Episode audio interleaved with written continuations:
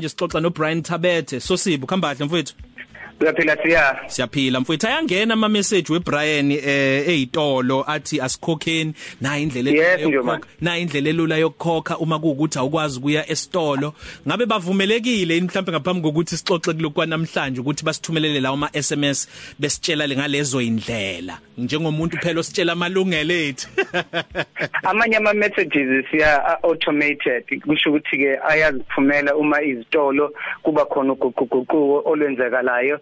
Ngoba imininingwane yakho isuke ikhona kwi database yabo. Hmm. eh makukhona izinto abazishintshayo kwi system yabo ivele izithumelele yona nje kuzenzakalele. Mm asize ke kuba Yes. namhlanje mfethu sikhuluma namhlanje ngeinterest rate necredit cost. Kwesinye isikhathi ngenxa yenjabulo yento osuke usuyithenga usuyibona imoto yakho lapha isimenyezela kuthiwe yakho le eh lo okudayiselayo athi ngizokwenza ngayo yonke indlela ukuthi le moto uphume nayo.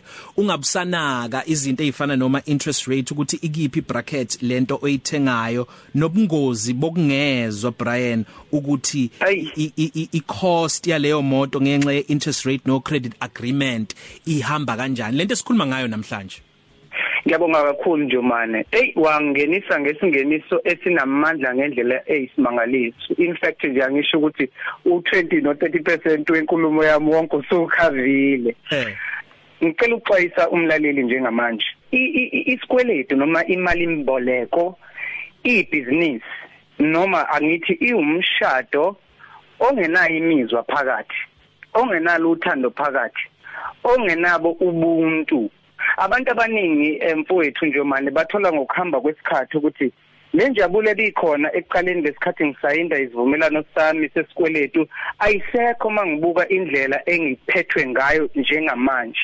Kusho ukuthi ke isihloko sanamhlanje sithi vula amehlo ubheke mawuzongena esikweletini ngoba ayikho imizwa alukho uthando abukho ubuntu kusebhizinisini.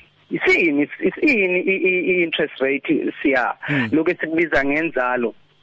Inani elikubizayo kuleso sikweletu osuke unaso. Ake ngenze isibonelo. Uma ubona isicathulo sibekiwe ukuthi u500 rand yinani okuzokubiza lona lokuthi leso sicathulo singene onyaweni lakho. Uma une unesikweletu ongase ungene kusona ufike kube nesikweletu bese kuba nenani elizokubiza ukuthi uthole leso sikweletu. Kodwa nje ubushilo mfowethu wathi ngenxa yenjabulo sisuke singabe sisanaka ukuthi lithini inani lalesi sikweletu engizongena kusona? Kafushane mfowethu iqhamukapi inzalo noma interest rate? Interest rate eh mfowethu nje manje iqhamuka kwi Reserve Bank.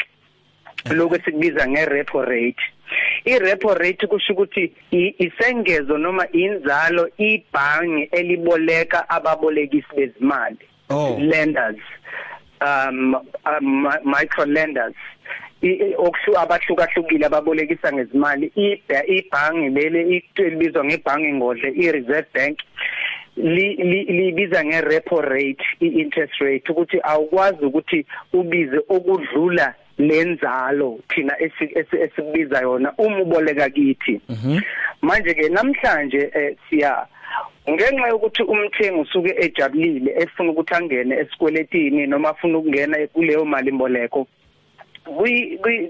prep engikuthumelele yona sibheke kakhulu usection 92 no section 93 usection 92 no 93 okhuluma nje kabanzi ngama pre disclosure before ungene esikweletini yini okumele uzibheke ngoba ayikho ifavor wenzelweyo awukho umusa owenzelwe wona kodwa kahle kahle siya mawubheka inzalo eh ikhavwe kwi National Credit Act ku section 101 i cost inani likubiza ukuthi ube nesikweletu kube usection 2 okhuluma kakhulu ngama charges kube usection 103 okhuluma ngayo ke yona inzalo. Usection 104 uthinta ke ukuguquka kwenzalo. Section 105 ukhuluma kakhulu ngokuthi ingadluli inzalo umthengi ayikhokhayo kulesi sikweletu.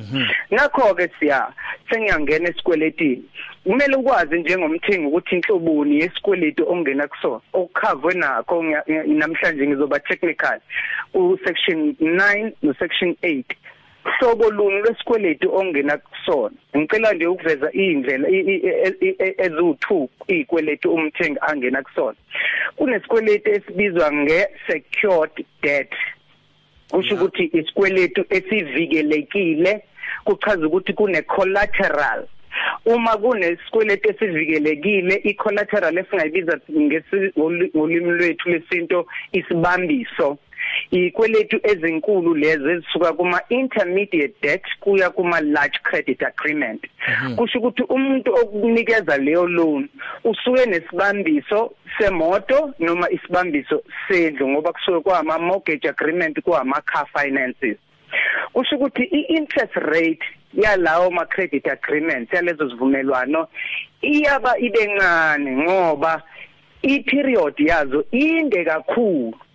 Ezingenabo ubungozi kakhulu kumuntu osuke kuboleka leyo mali ngoba mawusuhluleka siyawukhokha eh inani enivumelene ngalo which is a principal debt including nenani lesikweletu uyahamba athatha impahla yakhe uyahamba buyisa athatha imoto noma adlumuzi inkinga ke sikibe khona kulezi kweletu lezi sizibizwa ngama unsecured loans.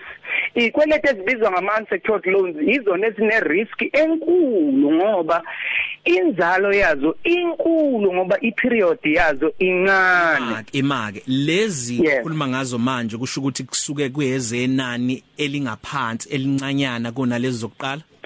I-unsecured debt emngani wami isho ukuthi i-interest rate inkulu kakhulu.